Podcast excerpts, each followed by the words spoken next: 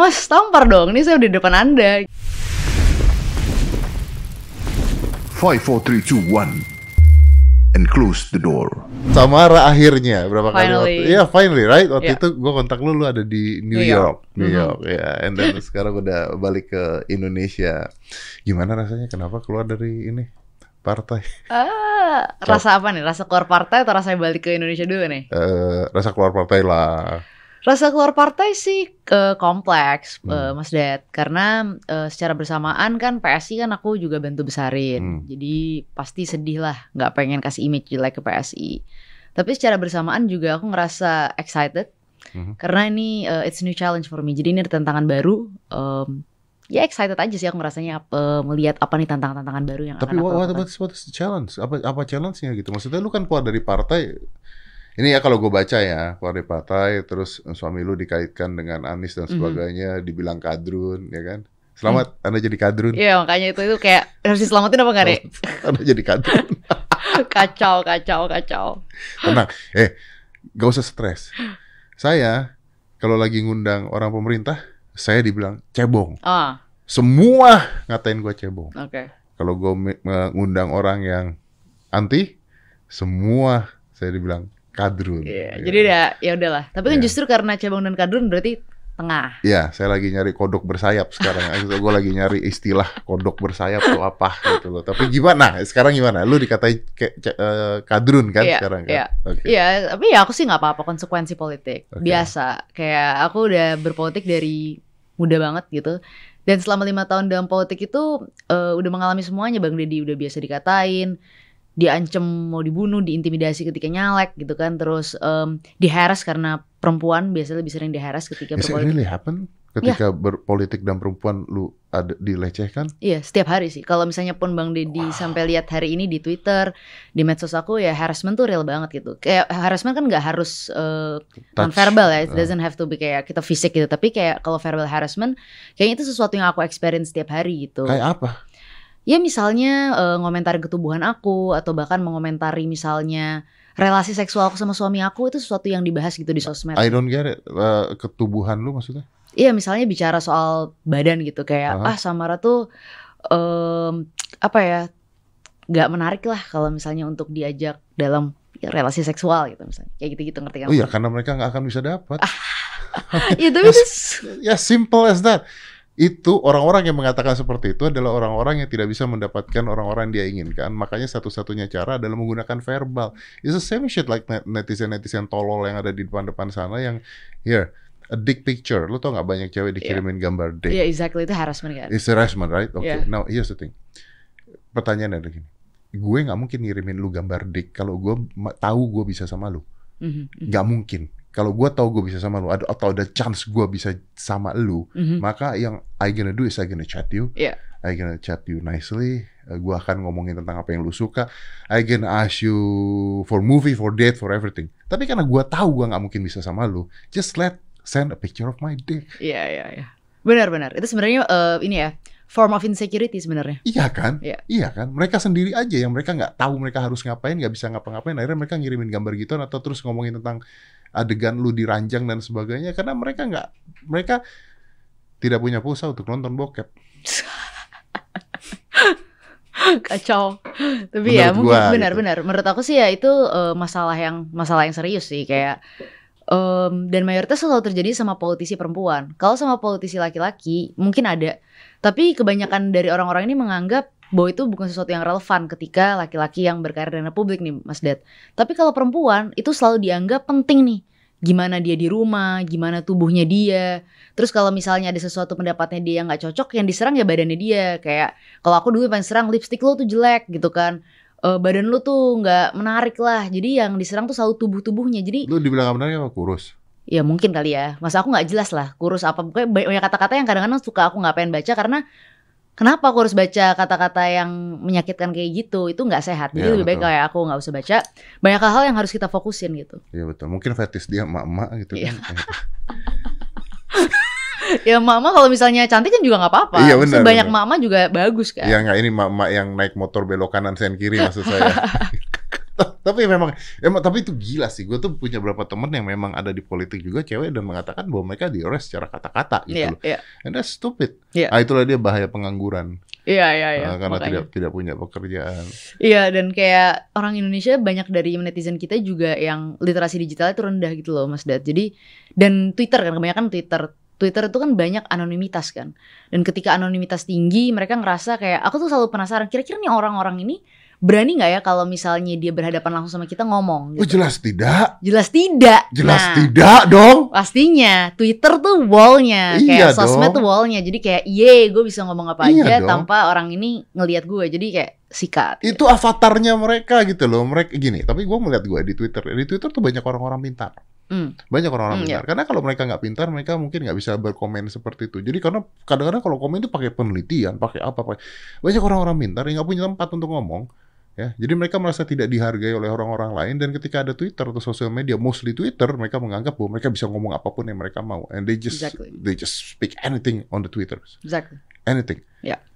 Saya juga, gua gila, gua kalau dibahas di Twitter, wah gila-gilaan. Terus gimana gimana kayak kayak how do you respond to that? Kalau lu nanya gua how do I respond that, I don't care. Good. Karena menurut gua orang-orang yang seperti itu ke gue juga bukan penonton gue juga gitu. Benar, benar. Itu setuju. Menurut aku juga aku juga selalu punya prinsip yang sama. Orang-orang yang kayak biasa ngata-ngatain kita itu ya Justru kalau aku selalu nganggap kadang-kadang kalau aku ngomongnya itu suka benar terus habis itu ada backlash kayak gitu, mungkin yang gue omongin benar. Benar, Oke. karena kalau nggak benar mereka nggak akan melakukan Betul, itu. betul. Iya, iya. And then again, and then again, siapa lu siapa mereka gitu loh. Kalau mereka memang lebih pintar dari lu, dan show it. Ya. It. Don't just talk on Twitter. Exactly. Eh by the way ada cerita cerita seru nih soal Twitter nih. Aku pernah dulu kayak waktu zaman zaman nyalon di Jakarta sebagai anggota legislatif, ada satu orang yang bilang si Samara nih nggak jelas kecilnya di mana padahal usia usia aku masih 21 tahun waktu itu ya. Ah. itu kayak kecilnya di mana ya SMA kali sekolah maksudnya. Tapi nggak jelas nih apa track record dia. Gue kalau ketemu dia langsung mau gue tampar gitu kata dia. Hmm. Terus gue bilang sama dia, dan ini politisi sih, orangnya ngomong politisi. Ya udah gini aja lo main ke kantor gue, siap nih gue eh, mau tampar juga gitu kan. Terus habis gitu pada satu masa aku lagi ada acara kayak kegiatan sosial banjir gitu lah di Jakarta. Dan Dateng ketemu dia, dia. dateng ketemu dia. Dia tuh nggak ngapain, nyalamin aku, minta selfie, foto-foto. Aku nggak tahu itu dia. Terus pas pulang-pulang dia nge-tag aku di Twitter. Saya bertemu dengan Samara. Kalau bertemu kita semua baik-baik saja gitu kayak Dan yang tampar itu? Ya ya udah ya nggak nggak nampar aku dia kayak baik-baik aja ketika ketemu again kan di sini ada wall yang diciptakan sama sosmed orang merasa kayak ah bisa ngomong Bukan. kenapa Mungkin dia bipolar. Astagfirullah Jadi kepribadian yang satu ada di tuh. Eh, who knows? iya you never know right? Some Yeah. people gini ya, gue punya teori gini.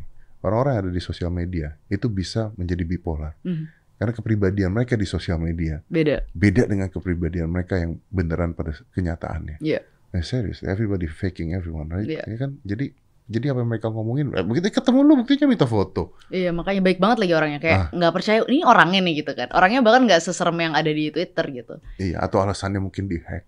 iya betul tapi kayaknya nggak sih waktu itu dia bangga banget soalnya Ketika ketika bilang mau nampar gitu ketika kayak. bilang mau nampar. Iya dia merasa kayak jagoan banget ketika itu. Tapi pas ketemu dia ngerasa kayak Oh enggak kok kita semua baik-baik saja di sini ya. Saya baik-baik karena saya tidak tahu siapa anda waktu itu. Oh, but, but, gimana kalau lu tahu? Kalau tahu sih saya akan bilang mas tampar dong. Ini saya udah di depan anda gitu. Aku I will, I will say that. Karena em, saya tuh saya tuh senang sebenarnya dengan challenge-challenge kayak gini bang Didi. Saya senang eh, menunjukkan bahwa kita tuh kita tuh sering dianggap ya. Aku sering dianggap sebagai perempuan di ranah publik dan di politik tuh sebagai orang yang kayak lemah. Terus kayak harus diprotek, harus dilindungi. Jadi akan senang sekali ketika aku bisa men-challenge orang-orang kayak gitu secara langsung gitu. Jadi kayak mematahkan asumsi dia dan bayangan-bayangan bahwa kita tuh ketakutan, kita tuh takut kalau misalnya lo ngejagoin Kalau lu kita. ngejagoin, Iya, ya, enggak. Ayo tampar, dong. Ayo kalau berani, gitu. tampar dong. Hei, hati-hati Samara Anda ngomong gitu loh, serius loh. Iya, Nanti bahaya. kalau ada orang nantangin, "Uh, saya kok ketemu saya cium, Anda ngomong apa? Aduh, jangan dong kalau itu. Harassment kalau itu. Oh itu harassment ya? Gak mungkin dong. Cium dong, gak mungkin ya. Gak mungkin. Itu udah harassment ya. Ya, cium kan bisa cium tangan. Oh ya iya, kan? betul, ya, betul, ya.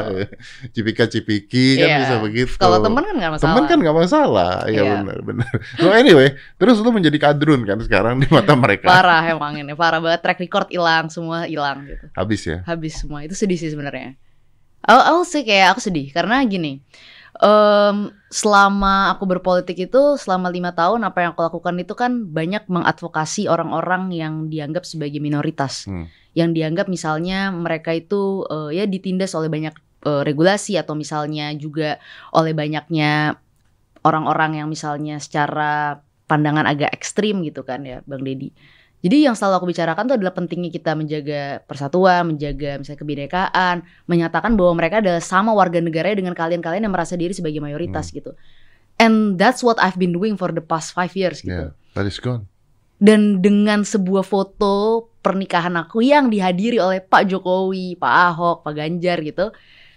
Kok bisa tiba-tiba kalian termakan hoax itu gitu dan mengatakan bahwa Samara tuh udah pindah kubu, Samara itu udah bukan Samara yang dulu lagi. Terus selama ini track record dan rekam jejak yang udah aku berikan ke kalian tuh gimana gitu. Maksudnya masa hilang gitu aja sih kayak jadi itu sad kayak apakah ini sebenarnya jadi kayak warning bahwa polarisasi di antara kita itu udah semakin parah gitu. It is tuh. Kalau misalnya kalau lu nanyanya begitu iya. Mhm. Nah begitu iya. Karena ya sama aja ketika gue podcast sama misalnya dengan ya tadi gue bilang dengan pemerintah mereka ngomongin gue begini, gue podcast kali dengan Pak Anies Baswedan, Hmm. wah langsung gue dibilangnya eh kadrun semua gitu. Gue tuh sampai berpikir gini. Pertama ya gue tidak bermain di ranah politik. Oke, gue nggak main di ranah politik. Gue bukan orang politikus, gue bukan anggota MPR, DPR, gue bukan partai siapa pun. Hmm. Memang saya tidak boleh berteman dengan siapa saja, apa gimana sih? Iya iya iya. Iya kan? Iya exactly. gue kan media ya, gue media kan ya gue boleh dong dengerin dari mana pihak mana pihak mana bicara kan Iya. silakan aja mereka ngomong.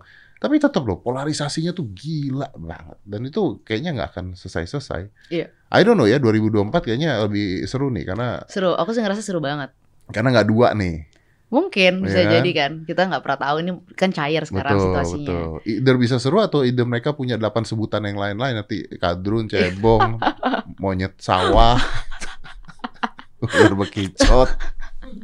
Mungkin juga kali Iya semua dong. keluar kan. Semuanya keluar dong yang milih ini apa, milih ini Iya, iya. apa. Iya. Kan gitu. Kreatif ya nama-namanya sebenarnya. Oh, sangat kreatif. Iya. You know, gua gua suka dengan tadi lu bilang bahwa apa yang udah lu lakukan terus gara-gara satu hal seperti itu yang mana kita nggak tahu intensinya apa ya. Gua nggak bisa ngejudge lu because I don't know your intention kan. Yang Mhm. tahu intentionnya kan lu sendiri kan lu Iya. keluar dari PSI. Kenapa? Mhm. Gua nggak pernah tahu. You know, you choose that. Iya. It's your choice. Iya. And I honor your choice. Gitu. Nggak ada urusannya juga dengan hidup gua juga. Itu mau ada di sana nggak ada di sana kita temenan aja mendingan gitu Iya. kan. Cuman it's always happen. Karena yang gue lakukan di sini juga kadang-kadang gue undang orang-orang orang-orang dan kita bantu dan sebagainya. Terus ketika ada satu masalah yang dibahas kan itu. Ini sama kayak quotesnya Einstein ketika Hmm. dia lu pernah dengar ceritanya Einstein gak sih? Yang mana nih? yang dia bilang dia bikin eh, rumus fisika. Coba ceritain dong. so dia bikin rumus fisika. Dia lagi dia lagi tulis rumus fisika satu gitu. Terus orang-orang diem. Susah nih rumus ada 10 gitu. Dua dia bikin lagi orang-orang diem ini, ini kelas gitu. Giliran yang ke 10 dia salah. Hmm. gitu. Dia salah. Terus satu kelas weh teriak-teriak gitu. Hmm. is wrong is wrong is wrong is wrong katanya. Is wrong. Hmm. terus sensei nengok gitu. Iya gue tahu gue salah. Cuman gue bingung deh. Gue dari tadi bikin 10 sembilan gue bener kok nggak ada yang teriak-teriak Iya. gue hebat ya Iya. kenapa gue salah sekali lu pada teriak ya katanya Iya. Right? Exactly. Karena ya orang selalu menunggu. Justru biasanya ketika seseorang itu nggak punya kesalahan, nggak punya dosa, ada masalah sedikit aja itu adalah potensi yang bagus dong untuk dicari-cari. betul Jadi ya oke lah. Itu maksudnya ya inilah publik kayak gini. Emang kayak kayaknya bukan hanya terjadi di Indonesia sini di mana-mana. Jadi kalau aku nganggapnya ketika kita berkarir di publik, apalagi politik, ya itu sesuatu konsekuensi harus kita terima. Mungkin bisa lebih baik, tapi dan mungkin kita harus cari cara gimana coping, keep coping mechanism kita kayak gimana. Tapi kita nggak bisa kontrol orang-orang yang di ranah eksternal ini menurut aku Bang Deddy. Yang bisa kayak kita kontrol tuh diri kita dan apa yang kita bisa lakukan aja dengan misalnya mungkin elit politik lebih mencontohkan yang baik. Gitu. Ya, ya. But what, what- did you say ketika lu ada keluar dari PSI? Alasan apa sih? Alasannya, eh, Hmm. alasannya sih karena aku merasa butuh tantangan baru. Butuh preferensi, ada preferensi personal gitu. eh, aku pengen ngerjain project di luar partai politik, pengen fokus ke isu-isu perempuan. Dan itu benar gitu. Maksudnya aku nggak sedang bohong. Wah ini Samara pasti ada sesuatu di belakangnya yang nggak diceritain ke depan. Itu alasan yang benar. Maksud- Soalnya kan lu ditarik-tarik kan, lu direbutin sama partai-partai macem-macem kan soal itu kan? Iya. Iya. seru sih. Maksudnya aku kalau aku ya hubungan aku sama semua partai-partai politik tuh baik gitu dan aku menganggap kan ada orang yang selalu menganggap bahwa partai itu nggak penting ya. Kalau Hmm. aku aku tuh sampai saat ini meskipun udah keluar dari partai selalu menganggap partai itu penting, Mas Ded. Hmm. Karena Indonesia ini eh, dan politisi-politisi yang kita ingin ciptakan ya tetap penting juga melalui misalnya jaring-jaring partai politik. Mereka punya instrumen yang sangat baik dan mereka punya infrastruktur yang sangat baik nih untuk misalnya kalau mereka serius mengkampanyekan program-program kepada masyarakat. Ya, gimana juga yang ngambil keputusan negara ini juga di DPR, di DPR, semuanya orang-orang partai. Ya demokrasi. Betul. Jadi gak bisa kita misalnya melepaskan peran partai politik dari Indonesia gitu. Jadi ya hubunganku sama mereka semua baik karena meskipun sekarang aku di luar partai politik, kalau misalnya nanti aku punya keseriusan membawa isu-isu perempuan misalnya meskipun di luar, aku merasa tetap harus bernegosiasi, berbicara sama mereka dan mungkin nggak hanya satu dua partai bisa berba- berbagai macam partai gitu. Yang penting kita Tapi lu nggak akan masuk partai lain? Atau untuk saat know? ini enggak. Untuk saat ini enggak? Enggak. So you konsen, lu konsentrasi ke isu perempuan. Betul. Aku Oh. lagi ngerjain project soal perempuan. Why? Em, ya karena aku merasa aku belum menemukan yang pas aja untuk aku sendiri gitu. No no, why? Eh, Kenapa lu tiba-tiba konsentrasi ke project ngurusin Oh, untuk tentang, perempuan. tentang wanita dan Oh, perempuan? karena emang aku passionate banget dengan isu ini kayak eh, utamanya tiga tahun terakhir eh, aku ngerasa sangat-sangat passionate terhadap eh, isu perempuan. Em, apa ya? Selama ini tuh aku kan ngerasa ya apa yang dirasakan di politik itu isu perempuan tuh jadi isu yang paling eh, nggak seksi, jadi isu yang paling banyak nggak dibicarakan oleh para politisi-politisi. Kita lihat aja rancangan undang-undang penghapusan kekerasan seksual, Hmm. butuh waktu yang sangat panjang untuk sah menjadi Hmm. undang-undang. Belum lagi kita lihat misalnya masalah-masalah kayak relasi-relasi abusif ya, Bang Hmm. Deddy, eh, antara laki-laki dan perempuan. Semuanya tuh akarnya di mana sih? Akarnya tuh di financial resources gitu. Hmm. Banyak dari perempuan-perempuan Indonesia itu yang mereka masih dependen sekali terhadap laki-laki Hmm. secara finansial. Iya kalau laki-lakinya baik, alhamdulillah ya kan. Tetapi kalau misalnya laki-lakinya ini abusive, KDRT gitu kan, melakukan kekerasan seksual misalnya di dalam rumah tangga, terus apa yang bisa dilakukan oleh perempuan ini kalau sesuatu terjadi gitu? Oke, but do you- lu ta- lu pa- tapi lu tahu nggak bahwa sekarang itu eh, kalau kita ngelihat dari jumlah pendidikan dan sebagainya, pria itu semakin menurun loh Betul. jumlah pendidikannya. True. Dan dan eh, kalau kita ngelihat ya, ini ada yang meneliti kan eh, kadar testosteron pria itu semakin menurun loh, tahun ke tahun semakin menurun. So we gonna get a lot of lame male. And with you and all your feminisms people, Oh, nanti nanti yang cowok-cowok ini akan hancur hancur hancuran.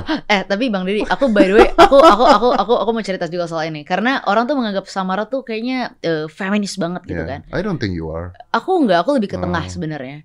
Karena aku merasa yang aku mau itu adalah kesetaraan, bukan misalnya eh, superiority, baik itu dari perempuan ataupun laki-laki. The thing, Samara. Sorry ya, kita kan ngobrol santai aja. thing gini. Gue gue tuh tidak ada masalah dengan feminisme. Mhm. Tapi sekarang ini feminisme itu dipakainya tuh salah menurut gue. Mhm. Kadang-kadang ada yang salah gitu. Mhm. Jadi superior dan sebagainya itu salah. Mhm. Karena menurut gue cowok dan cewek ini tugasnya beda-beda. Gue mengatakan bahwa cowok harus menghargai wanita, wanita harus mensupport pria. As simple as that. Mhm. Lu hargain wanita, dia bisa melakukan apa yang lebih baik dari lu, ya udah, hargain mereka. Biarkan mereka melakukan apa. Eh, wanita juga harus mensupport pria. Kalau prianya bisa lebih baik, ya udah, biarkan Ya. mereka. It's basically it's the same. There is no gender equality because there is you can't have gender equality for me. Mhm. Gimana caranya you can do gender equality dalam pengertian bahwa ada ada hal-hal yang memang bisa pria lakukan lebih baik, wanita lakukan lebih baik, ada gitu. Mhm. Menurut gua loh ya, menurut Ya, gua pribadi oke. ya ada yang mengatakan bahwa kalau wanita eh, penguasa dunia itu lebih baik wanita karena kalau wanita menguasai dunia tidak akan ada perang bullshit bullshit siapa pun yang nggak ada urusannya dengan perang atau nggak perang Iya. tapi kalau mereka kerja sama gini ya dalam pengertian mereka saling menghargai ya. Nggak ada pelecehan nggak ada ini nggak ada ini. Iya. ya kalau memang dia lebih baik di politik kan gini ada wanita yang hebat di politik dan yang pria. Gini kalau dua-duanya sama yang satu prianya memang lebih tidak baik ya udah hargai kalau dia lebih baik gitu aja as simple as that Iya. gitu loh Iya, makanya kalau menurut aku yang paling penting itu masalah kesempatan Bang Deddy. That's- Nah, nah, nah, ya, ini menurut ya, aku ya. kesempatan. Selama kesempatannya ada, baik perempuan atau laki yang memilih menjadi apa pun tuh gak ada masalah. Ya. Karena ini nih ada ada juga eh, menurut aku sekarang tuh ada semacam kayak semacam dua ekstrim dalam melihat eh, equality dan atau bahkan melihat misalnya relasi perempuan dan laki-laki ya. Ekstrim yang satu mengatakan bahwa perempuan itu ya 100% kodratnya di rumah, dapur, sumur, kasur. Nah, 100% ya. ya kan? Tapi ada ekstrem yang lain mengatakan bahwa eh kalian perempuan jangan jadi ibu rumah tangga dong, udah sekolah jauh udah tinggi-tinggi jadi ibu rumah tangga. itu juga salah Nah, aku nganggap ini salah. Iya. Kenapa? Karena yang terpenting itu bukan masalah orang itu jadi apa yang terpenting adalah apakah kesempatan dan dia bisa memilih Betul, dan gitu. itu pilihan dia untuk Exactly. jadi ibu rumah tangga, untuk Betul. jadi politikus, itu pilihan Yes. dia. Ya. kalau seseorang memilih menjadi ibu rumah tangga ya udah so be it gitu Ya. yang penting kita memberikan support yang baik untuk dia kalau sampai misalnya ada relasi-relasi yang nggak baik Dan- dia punya financially Iya. dia bisa financial independent Betul. kalau aku tuh pengennya kayak gitu gitu Betul. karena aku ngeliat gitu aku tuh kemarin eh, juga baru ngomongin ini gitu kan di twitter gitu aku lagi gara-gara hari pancasila nih Bung Karno itu siapa sih sosok perempuan yang paling mempengaruhi Bung Karno Sarinah Hmm. Sarinah kan kita tahu Hmm. dikasih nama mall salah satu mall modern kita Sarinah dan buku-buku dia tentang perempuan itu judulnya Sarinah gitu pemberdayaan perempuan gitu dan Sarinah itu adalah pengasuhnya Bung Karno Hmm. yang dulu jadi mboknya Bung Karno. Dan itu menarik kan Bang Dedi. Jadi sosok yang diidolakan perempuan diidolakan Bung Karno itu bukan misalnya sosok-sosok seperti presiden Ya, atau pemimpin dunia atau siapa pun itu, Tapi, tapi mbok- seorang mbok gitu. Ya. Yang pekerjaannya tuh sangat private, sangat domestik ya kan. Discreet, Soekarno. Betul. Tapi impact dia nggak bisa kita kuantifikasi terhadap sosok seorang Bung Karno gitu. Jadi ini aku nggak bicara kayak gini karena oh berarti Samara kamu mendukung domestifikasi perempuan enggak. Kita di sini harus melihat bahwa setiap orang tuh punya impact yang berbeda-beda. Mungkin ada politisi misalnya aku memilih jalan di politik, aku mungkin punya impact secara politik. Mungkin kita lihat ada pebisnis bikin lapangan kerja buat perempuan-perempuan atau lapangan kerja bahkan untuk siapa pun itu impact. Tapi ibu rumah tangga seorang ibu Oh itu juga impact. Exactly. Ya. dan impactnya nggak bisa kamu kuantifikasi berapa banyak orang yang kamu bantu mungkin ke satu orang Tapi, tapi, satu orang itu jadi betul. pemimpin satu saat kita nggak Exactly. pernah tahu loh betul dari ibu tersebut. yes Dan jangan dipikir kalau ngurusin rumah tangga jadi ibu rumah tangga tuh hal yang mudah. No. No, no. no. no susah banget kayak No. ma- mamaku ibu rumah tangga gitu dan dia tuh kayak berat banget aku mikir mah aku kalau suruh jadi mama udah pasti satu hari udah gagal gitu nggak bisa gitu Iya iya makanya. Jadi yang paling penting itu adalah kesempatan kan sebenarnya kan. betul Kesempatan untuk memilih dan kebebasan Yes. untuk memilih. Kalau ada kesempatannya dan ada kebebasannya, lu mau jadi apa, lu mau jadi apa, Yes. diperbolehkan tanpa ada show of power dari gender yang true yang 100%, lain ya. ya. Ya, I'm agree with that. I'm Iya, agree aku with setuju banget dengan itu karena dengan itu ya itu that- that's the real equality menurut aku that. Ah, gua agree. Karena gue pernah dengar dari dari teman gue juga yang yang Hmm. yang feminis gitu, gue pernah debat dia bilang "Ih, nggak bisa wanita tuh nggak boleh di rumah kerja. Gue bilang why? Ya. Terus kalau wanita nggak boleh di rumah harus keluar dan sebagainya, yang jaga anaknya siapa? Ya. Terus dia bilang ya kita bisa pakai eh, orang tua eh, oma atau pembantu. Same shit, gue bilang Ya. perempuan juga dong gue Ya. bilang kalau begitu. iya iya betul It doesn't make sense, gue Iya. bilang. Nggak ada masalah. Gue Betul. gua ngurusin anak gue sendirian, gue cowok. Hmm. Ayo, I got Iya. divorced and then I need to take care of my son alone for 10 years. pasti nggak mudah kan juga Oh shit. Iya. Iya. Tapi ya ya nggak apa-apa itu pilihan gua untuk untuk melakukan hal seperti itu and it's fine gitu Hmm. loh. Dan nggak mudah gitu. Tapi kan pilihan gua untuk melakukan itu. exactly Iya. Makanya itu makanya itu pentingnya kayak makanya aku juga gak setuju sih kan dengan katakan perempuan tuh harus ini enggak perempuan tuh harus bebas memilih dan kita harus hargai jalan yang dipilih perempuan gitu.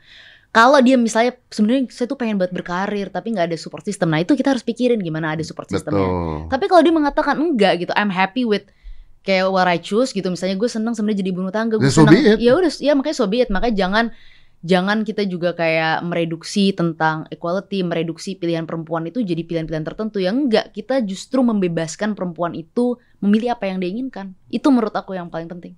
Ya, ya, ya.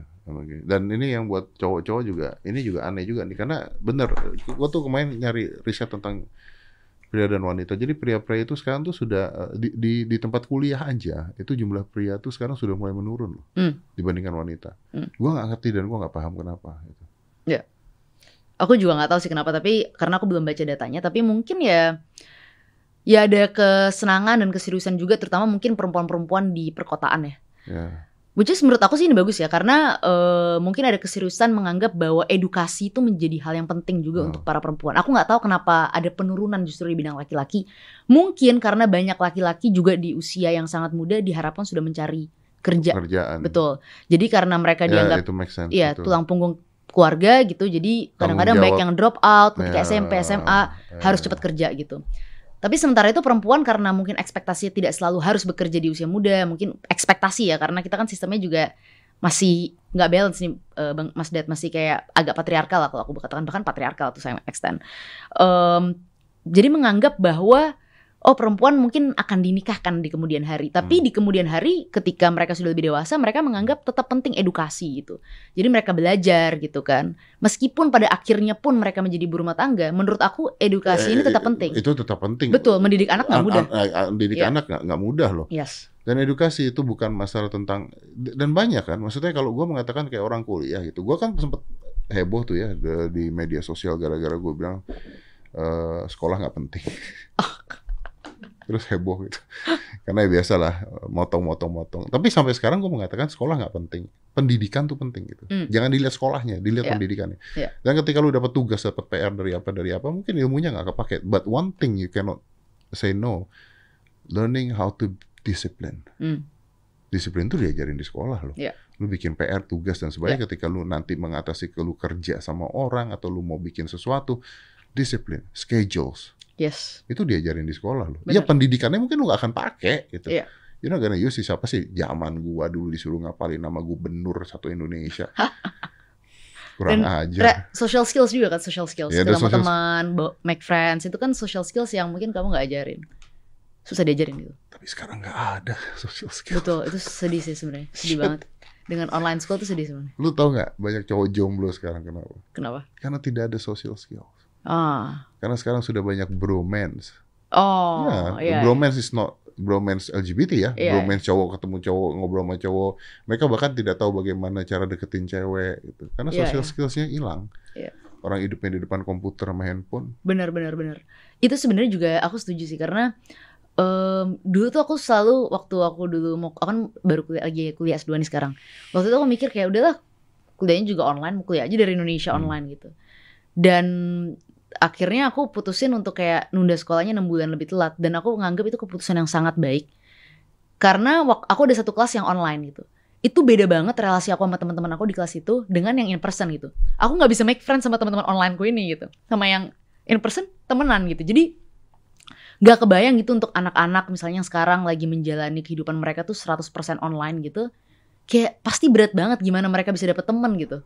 Sedih gitu. Bahkan ada kayak teman-teman aku juga yang mereka kan harusnya boarding ya kalau misalnya di sana gitu kan eh, di dorm kan mas Dad terus habis gitu mereka tuh udah dua tahun sekolah online jadi mereka tahun ketiga jadi mereka tuh udah junior lah udah agak tinggi gitu tapi ketika mereka datang ke sekolah mereka untuk pertama kalinya kampus mereka pertama kalinya mereka kayak anak baru Awkward kan? awkward Iya kan? kesian banget Emang, emang, emang. Lo tahu, gue tuh podcast ya. Jadi eh, berkali-kali itu eh, podcast misalnya ada orang penting atau apa atau apa yang nggak bisa hadir, terus nawarin zoom. Hmm. I don't Iya. want it. Iya. Kalau lu meeting sama gue zoom nggak apa-apa lah. Tapi kalau bikin podcast, how?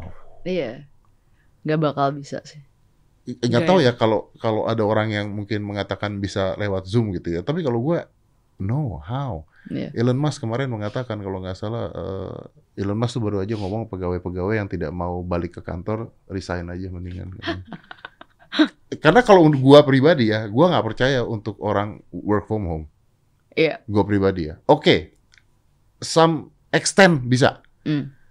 tapi no, the environment difference ininya beda. Lu nggak ketemu sama orang, lu nggak ngerjain. Aduh, beda banget, nggak bisa dong. Bener sih. Kadang-kadang kita bahkan kan suka kayak, eh kita, eh, aku ya misalnya, eh ngerjain tugas bareng yuk di library gitu kan. Ya beda aja gitu, at least ada temen kamu yang lagi ngerjain tugas juga, kamu juga ngerjain tugas, suasananya ngerjain tugas, jadi ada semangat gitu.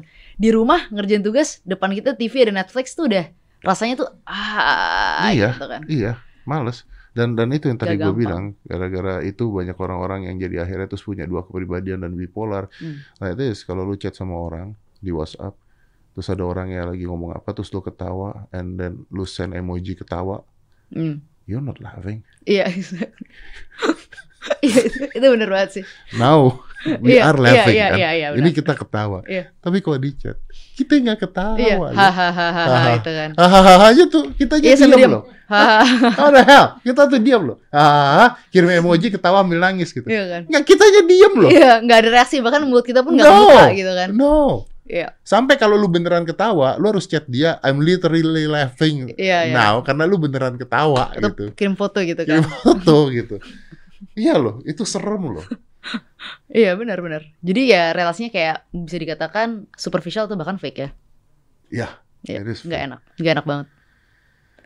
Kalau sekarang kayak kita bisa lihat body language orang gitu. Terus juga belum lagi kalau misalnya zoom kan kayak ah, ah, ah, ah, ah, ah, ah, Ya, ah, ya, apalagi di. Indonesia kan. Oh, di Indonesia kan masih wah, dia pikir internetnya udah 5G gitu kan. Belum kan. Di Indonesia nih kita masih ngurusin kemarin ada orang ditarik orang hutan ya.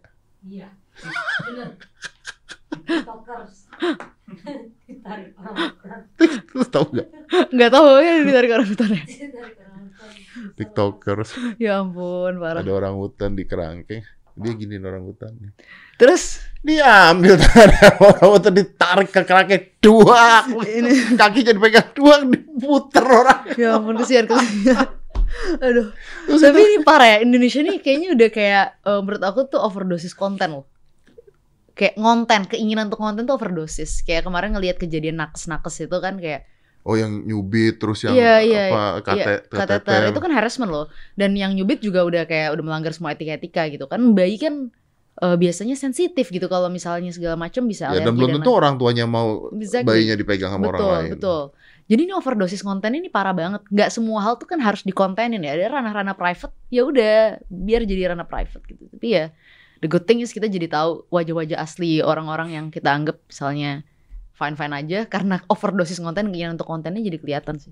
Tapi lucunya begini ya, kan ada ada ada siapa gitu yang mengatakan dari survei kan bahwa Indonesia itu paling toksik di beberapa urutan tertoksik di media sosial. Hmm. Kita kan kalau lagi ngebas orang kan gila-gilaan dong. Ya. Parah kan. Ya. Tapi kalau ketemu orangnya nggak begitu. Betul. Itu dia makanya sih. Em, anehnya tuh apa ya? Kayak kalau orang Jawa bilang tuh depannya baik-baik, belakangnya bawa keris gitu loh. Iya, heeh. Banyak banget yang kayak gitu gitu kan sekarang ini. Padahal sih kalau aku ya, kalau ya mungkin untuk kita semua gitu lebih baik ngomong langsung aja lah. Ada apa sih masalahnya gitu kan? Iya. Tapi kita nggak gitu kalau di Twitter kayak wah sikat gitu Iya. kan, cancel orang ini. Ya nggak semua hal harus di cancel gitu. Kita lihat dulu nih pada proporsinya gitu. Cancel culture. Mhm. Fuck. Hmm. Serem sih. Kadang kadang-kadang menurut aku kadang udah berlebihan. Oke, kalau misalnya memang sifatnya misalnya sexual harassment yang udah Ya, mungkin hampir ya. terbukti of course gitu Ya. ya. Tapi misalnya orang salah ngomong, orang apa ya? Ya maksudnya manusia tempat salah kan. Jadi pasti ada kesalahan-kesalahan kalau misalnya orang salah ngomong, salah bertindak. Ya udahlah ya, jangan maksudnya langsung di cancel kayak gitu. Karena apalagi kalau aku tuh kadang seremnya kalau bukan kasus-kasus yang memang berat seperti harassment kayak gitu adalah ya ini kan orang bekerja gitu ya. Masa sih kamu rela mengcancel orang sampai-sampai dia nggak bisa dapat kerjaan, nggak bisa dapat apa-apa gitu. Oh, they love it. Iya makanya but it's not They fair. love, gitu. they love it. Iya, They, they have power now. iya makanya serem sih. Kayak itu mob mentality kayak gitu menurut aku serem. Iya, dan gue pernah loh kan, gue kemarin wah di cancel nih gue kan, Hmm. gara-gara LGBT main gue undang kan, Hmm, di cancel hmm. habis-habisan. Terus ada satu orang yang cancel gue itu gue pin ke atas itu. Terus dia ada orang ngata-ngatain, Hmm. baru lima orang yang ngatain sama dia akunnya dihapus loh. Iya. Terus gue mikir, ah ini orang mentalnya nggak kuat banget kan, berarti kan orang-orang yang seperti ini. Hmm, Lu ketika di cancel, akun lu dihapus loh. Iya. Bayangin. Itu juga aku ngalamin persis kayak gitu mas. Dad, kemarin. Jadi waktu kemarin aku keluar dari PSI itu habis itu ya itu pengkaderisasian itu, ya kan? Oh my god, ya kan? Em, itu tuh ada yang komentar tuh parah banget. Komentarnya ini parah banget sih menurut aku. Ini komentarnya menurut aku hate speech masuknya. Dia tuh ngomong kayak Samara dan suaminya dan beserta kaum kaum keturunannya gitu kan. Jadi udah udah mainnya ras nih kan Hmm. kaum keturunannya tuh harusnya kita lakukan eksterminasi seperti yang Nazi Jermani lakukan ke umat Yahudi. Dan kalau menurut saya, kalau saya yang punya kemampuan melakukan itu, saya akan lakukan lebih parah dari apa yang dilakukan oleh Hitler gitu lah gampangnya. Kan kayak itu kayak wow. Kayak aku waktu baca nih, wow, orang ini bisa ya mikir sejauh itu gitu. Maksudnya nggak tahu sih, aku sih nggak pernah kepikiran sejauh itu ya dalam Beyond ya, iya, beyond ya, beyond ya kayak ya. beyond my Beyond ya, imagination gitu beyond kan. ya. Terus kok dia bisa mikir sampai sejauh itu? Nah terus habis itu kan aku post itu di Twitter ya gitu. Aku bilang, wah ini eh, Polri ini udah kayak hate speech keterlaluan banget nih. Karena nih rasismenya udah ke arah Iya. kekerasan gitu kan. Terus habis itu kayak satu hari ya udah akunnya hilang. Hilang kan? Iya. Hilang, Hilang kan? hilang. Betul, hilang. So what do you think? Why? Ya karena lagi-lagi Mas Dad, ini kan ada mereka merasa berani karena ada wall itu kan, gitu. Mungkin kita ya, kita nggak berani seperti itu karena kita kita merasa nggak ada wall buat kita sebenarnya kan. Kita tuh real person gitu. Jadi kalau kita nge-tweet kita apa, mungkin ada hal yang harus kita filter karena kita real person. Tapi untuk orang-orang ini, mungkin mereka merasa bahwa eh nggak ada yang ketahu kok ini gue gitu, nggak ada yang lihat ini gue gitu. Beda kalau misalnya sekarang kita, ya ini gue tahun ini Deddy Corbuzier nih gitu. Iya, iya, iya. Tahun nih Samara gitu kan. Itu Iya. kan beda. Kita mau nyerang orang juga kita mikir kan Mikir gitu. gitu Kita mau kan. cancel orang kita Betul. mikir kita bener nggak nih, kita salah nggak nih Betul, gitu. banyak filter. Tapi ketika dia merasa nggak ada yang tahu nih gue, siapa sih yang bakal lihat? Keluarga gue juga mungkin nggak lihat. Jadi mereka merasa ada satu bubble tersendiri, ada anonimitas yang melindungi mereka. filternya nggak ada. Nggak, so why not ngomong aja gitu. Iya, tapi kalau mereka yang kena hilang. Bener, bener, bener, bener. Wah, parah ya memang ya. Cancel culture. Hmm. Semua orang di cancel. Iya, Luar biasa. Tapi saya udah sering sih di cancel. nggak apa-apa lah. Gak Ya. apa-apa. Udah, Survive tapi. survive. Udah, udah, udah biasa di cancel. udah biasa. Ya kemarin gue sempat ngilang sosial media kan, because I'm Hmm. getting the, the wedding kan, hilang sosial Iya, media. Kalau itu bukan Congratulations loh way. Thank you, thank you, thank you. Kalau itu bukan ya, kalau itu bukan di cancel, tapi lucu gitu orang-orang pada nanya nikah diam-diam aja. Gimana, gimana sih nikah diam-diam aja tuh? Saya bukan nikah diam-diam aja, saya nggak ngasih tahu kalian. bukan masalah diam-diam aja. Terus kan media juga kan gua gua nggak keluar dari media dan sebagainya gitu karena ya udahlah gitu. Terus wah, ada yang bilang wah eh, ngumpet-ngumpet lah apalah apalah gitu. Banyak yang ngomong gitu kan. Nah itu, itu lucu kan? Kayak Lucu. kok kamu eh, orang tuh kadang suka merasa hak, eh, merasa punya hak untuk mengintervensi ranah privat seseorang. Iya, itu kan terserah lu ya, lu mau keluar-keluar mau enggak. Gue juga nggak ada masalah orang yang keluar-keluar mau kawinan eh, 30 miliar gitu silahkan Iya, aja betul, gitu betul. kan. Tapi kan it's your choice kan. Betul. Ya, tadi lagi menghargai choice-nya orang yang orang ambil gitu kan. Yes, Iya. iya. Itu sampai gue balas loh. Ya karena nikah saya buat saya yang penting adalah sah bukan wah. Gitu. Iya, iya benar benar benar benar exactly. Udah wah nggak sah kan lebih parah. Ah, ya kan gitu kan. Iya. Tapi orang wah ada aja gitu kan. Terus kalau jomblo, eh ada orang nggak nikah nikah, kapan nikah nggak nikah nikah gitu. Nanti kalau gua nikah gua undang, lu pusing bawa gandengannya siapa? Iya benar. Makanya kan pusing. Ada baik ada temanku yang kayak gitu by the way, sampai nyari-nyari saudaranya sepupunya untuk bawa gandengan ke acara nikahan. Oh nggak usah kan sekarang sudah ada ini sewa. Udah jasa sewa Iya ya? iya iya Iya, iya iya. ada ada jasa sewanya loh. Dan dan dan mereka bukan maksudnya bukan open BO itu beneran sewa Iya untuk iya iya benar-benar kayak escort aja. escort eh, Iya. sampai dikenalin keluarga loh sama Iya, Rah iya. ada loh. Ya ampun. Gila nggak coba bayangin? Iya. Tapi eh by the way ngomong-ngomong soal Mas Det ini tuh menarik ya. Karena tuh menurut aku ini ada, ada kritik aku terhadap kayak publik kita adalah orang tuh merasa kalau seorang jadi public figure semuanya tuh bisa jadi ranah publik gitu. Ya, Dan merasa bahwa eh dia lo kan public figure jadi bebas dong gue mengomentari hal apa pun betul. terkait. Karena kan ada milik semua rakyat. Betul, Oh, Anda milik kita gitu. iya. Padahal nggak gitu juga. Ya public figure ya terkait produk yang diberikan misalnya mungkin produknya Mas Det podcast Ya, atau apa pun itu gitu Silahkan kan. itunya Silahkan, kan, bukan gitu. ranah pribadinya, your Bukan, point kan? exactly gitu. Jadi sama kayak aku juga. Oke, saya mungkin pub, di, ada di publik di politik gitu ya. Tapi kan yang di publik adalah pikiran-pikiran politik saya Ya, bukan gitu. keluarga lu kan? Bukan. Jadi kok masuknya kayaknya merasa puas aja kok merasa punya hak itu sebenarnya sesuatu yang lucu sih. Iya. Lucu, menarik, ngeselin tapi. Iya pak, iya, iya, iya. Karena karena mereka ya itu anehnya mereka mikir bahwa oh, ini berarti semuanya punya kita gitu intinya. iya. Tapi gila sih kalau sampai ada orang ngomongin tentang badan lu sih ngaco sih sebenarnya. Ngaco, ngaco. Tapi ya menurut aku ya, aku sih nggak pengen eh, menganggap ini jadi kayak masalah aku doang Mas Dad. Karena ini masalah yang dihadapi oleh banyak banget perempuan yang ada di ranah publik. Banyak banget. Ini semua tuh dihadapin. Aku yakin ini nggak hanya di politik. Aku yakin mungkin artis-artis perempuan itu ngalamin hal yang sama juga. Dan ya banyak gitu teman-temanku politisi perempuan. Eh, dulu ada wali kota, calon wali kota, wakil wali kota Tangsel namanya Rahayu Saraswati. Oh, it's my Iya. friend. Iya kan, Sarah. Yang pada saat hamil bukan di di pada saat hamil besar bukan di Oh, di aku nggak ingat ya waktu itu. Kayaknya waktu itu udah melahirkan sih, seingat aku. Si Mbak Sarah ini. Dia udah melahirkan, dia lagi nyalon jadi calon wakil wali kota. Terus dia lagi jogging aja. Jogging. Oh iya iya iya iya iya. Iya iya. kan? Yang pakaiannya apa segala Betul. itu disikatkan. Dia pakai legging, dia pakai baju olahraga gitu. Kayak ya ampun nggak sopan banget sih kayak astagfirullah mbak kok nggak sopan? gitu kan.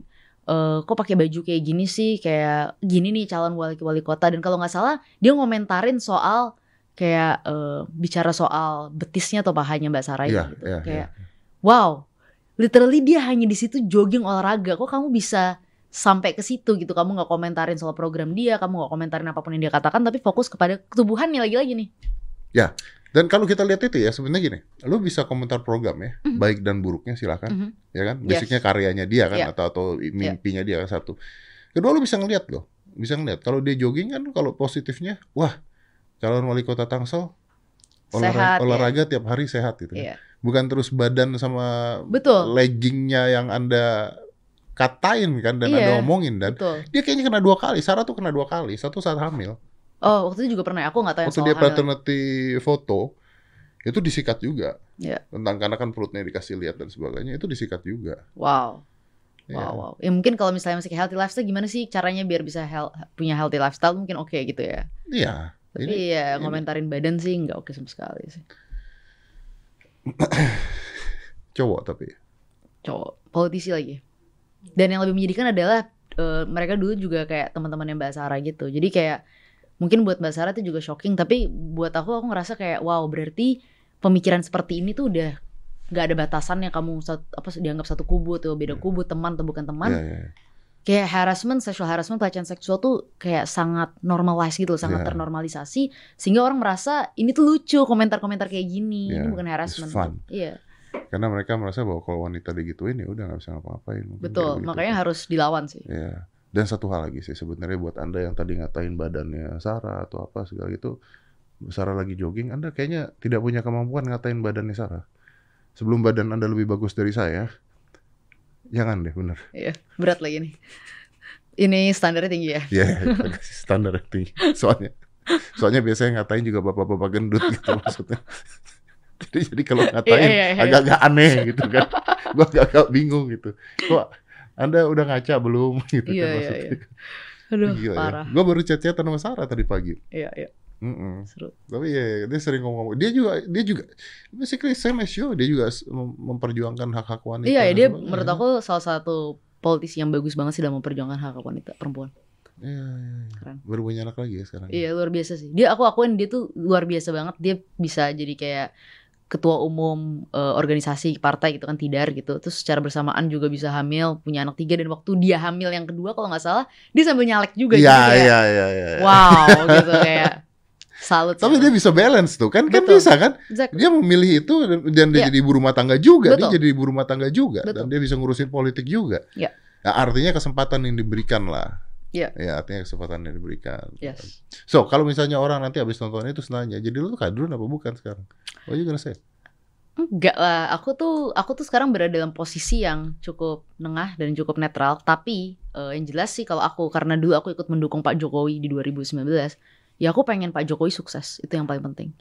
Dan dalam pemilu 2024 nanti itu aku ngelihat justru kita harusnya tuh senang sebagai masyarakat gitu. Kenapa sih kita banyak ketakutan, banyak eh, pikiran. Menurut aku kandidat kita tuh bagus-bagus loh sekarang Iya, nih. iya. Banyak tokoh-tokoh muda yang bagus. Ada orang seperti Pak Ganjar, ada orang seperti Pak Erick Thohir, ada orang seperti Kang Ridwan Kamil. Ini tokoh-tokoh yang bagus gitu. Kenapa kita nggak fokus kepada melihat bahwa wow kita bisa menghasilkan tokoh-tokoh dari daerah, dari berbagai macam sektor, bisnis pun juga kan eh, yang bisa mau mengabdi di Indonesia ini dan bisa serius gitu. Misalnya eh, menghasilkan kerja-kerja yang nyata. Jadi dibanding kita fokus ke itu ya jadiin aja sesuatu ini politik ini jadi sesuatu yang menyenangkan gitu karena dengan cara-cara kita serang-serangan nge-labelin orang kayak gini politik itu tuh udah jadi udah jadi serem Mas Dad udah jadi membuat orang tuh takut untuk bahkan beropini dan berbicara Iya. terkait hal politik padahal kalaupun kita saling dukung mendukung mendukung orang-orang yang beda pun gak ada masalah tapi ya again kalau aku posisi aku sih masih masih mendukung Pak Jokowi sih. Gue tuh yang ngelihat kadrun non kadrun lah cebong lah apalah inilah itulah. At the end of the day itu kendaraan politik lah. Yes. Ya. yes betul. either one of them use it either the other one use it. It's the same shit like that. Like betul. that. kalau menurut gue sekarang ya gitu.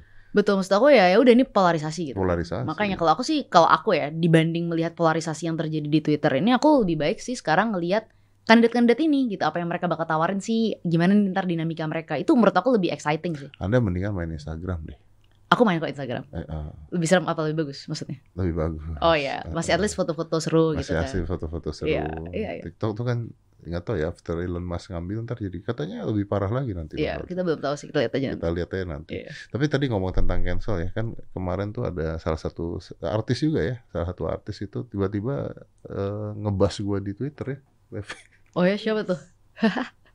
ada lah gitu Iya. ngebas gua di Twitter itu ngomongin tentang gua gitu terus kemarin ketemu sama produser gua lagi di lagi di tempat makan ketemu Oh. nyamperin ngomong oh eh ke mana apa kabar Mas Det gini gini gini Wah. gini wah gitu Ucapin selamat. ucapin ucapin apa Iya iya. asu Tapi at least aku nggak tahu ngebahasnya personal apa nggak tuh? Lebih ke personal lah ya Ya udah Lebih kalau itu agak nyebelin ya. sih. Tapi kalau misalnya mungkin beda pendapat sih aku sih orangnya nggak apa-apa. Ya, ya. Tunggu bentar, bentar. Saya juga nggak setuju kalau beda pendapat. Hmm? Gue nggak setuju. Oh maksudnya kayak maksudnya bukan ngebahas nyerang gitu, maksudnya kalau misalnya berdebat gitu ya. Kalau nyerang aku juga gak setuju. Gini, eh, nyerang, tapi memang bukan personal tentang hidup pribadi gue, bukan. Oke. Nyerang tentang salah satu lah gitulah, tentang hal yang gue lakukan lah intinya Oke. gitu. Tapi anda punya WhatsApp saya.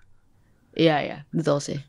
Benar. Ya kalau emang bisa lebih personal sih juga kenapa enggak gitu. Iya. Dan ini kan juga bukan arena konflik kan. Betul, bukan arena konflik, that's the Bukan. problem. Itu Iya, bukan arena konflik, ya. I think, gitu I think ya itu betul. Kalau arena konflik, misalnya lu lagi bahas Pemilu, tentang pol- politik, iya, pemilu dan iya. sebagainya, oke lah Make ya, sense, make iya. sense. Ini bukan arena konflik, you just WhatsApp me. Iya betul. Hey, ask me why, Benar. kenapa ini begini, kenapa itu begitu, gitu. Iya, betul. Kalau itu Iya benar. kan? Iyalah, menurut gua lo ya. Iya, yang nggak itu masuk akal gitu. Mungkin kayak tadi aku mikirnya kayak beda pendapat dalam kayak oh ya kalau arena konflik politik nggak masalah, tapi nothing personal. Nothing personal. ya. Tapi kalau arena non konflik gitu ngapain, kan, gitu loh, ya? ngapain? Nggak worth it. Nggak gitu worth it ya. untuk Iya. dan gue juga nggak balesin gitu. Eh ngapain gue ribut di sini ya? Iya. Gila, saya masih punya kerjaan banyak loh, loh untuk ngajarin seperti itu. Anyway, Samara, Oke. what is your goals? Goal aku saat Presiden kah? oh oh goal kayak career wise nih. Iya, career wise. Jujur ya, Mas It's be kalau nice if we get women's president. Wow. Ya, bebas perang ya. tidak juga sih. ya, saya, maaf kalau kali ini saya tidak setuju dengan wanita-wanita. Saya tidak percaya kalau wanita jadi presiden bebas perang itu saya nggak percaya. Anda masih gibah, pria juga gibah, wanita gibah kamu bebas perang. Mungkin perangnya bukan bebas tapi ketunda karena dendam. Aduh, Mas Ded, nih kalau Mas Ded tanya aku ini Oke. pertanyaan yang sama ini Iya. empat tahun yang lalu, Hmm. aku bakal jawab Gubernur DKI Jakarta. Oh ya, you know that. Iya. Tapi saat ini, ini kayaknya ini proses penuaan dan pendewasaan ya. Oh iya ya. Saat ini jujur aja aku tuh ngerasa kayak aku maunya tuh ngambil eh, momentum yang ada aja gitu. Kalau ada sesuatu yang di mana aku bisa misalnya menuangkan ide-ide aku dan eh, itu adalah tempat yang baik untuk aku bisa kayak menuangkan dan mengabdi di situ, it's okay gitu, I'll take it. Karena aku sekarang itu merasa berbeda dengan 2019 dulu nih Mas Dad. Kalau 2019 dulu aku tuh masih muda banget, masih 22 tahun, masih explore politik seperti apa, passion aku di politik tuh specifically apa Hmm. gitu kan. Hmm. Tapi saat ini aku tuh udah mengerucut gitu. Aku senang banget dengan isu-isu yang kayak substantif tentang perempuan ini tadi kayak kita udah ceritain bahas gitu. Jadi aku ya pengennya kalaupun aku duduk di dalam sebuah posisi baik itu nanti gubernur lah atau apa pun lah di masa depan gitu kan. Em, ya itu adalah ranah yang aku betul-betul bisa memperjuangkan Menteri Wanita dan Ketenaga Kerjaan. ya aku nggak tahu gitu kan karena kalau menteri itu katanya itu kan garis takdir nggak bisa kamu usahakan kalau gubernur kamu bisa campaign Oh gitu iya, kan iya. Menteri Tapi kalau menteri- partai.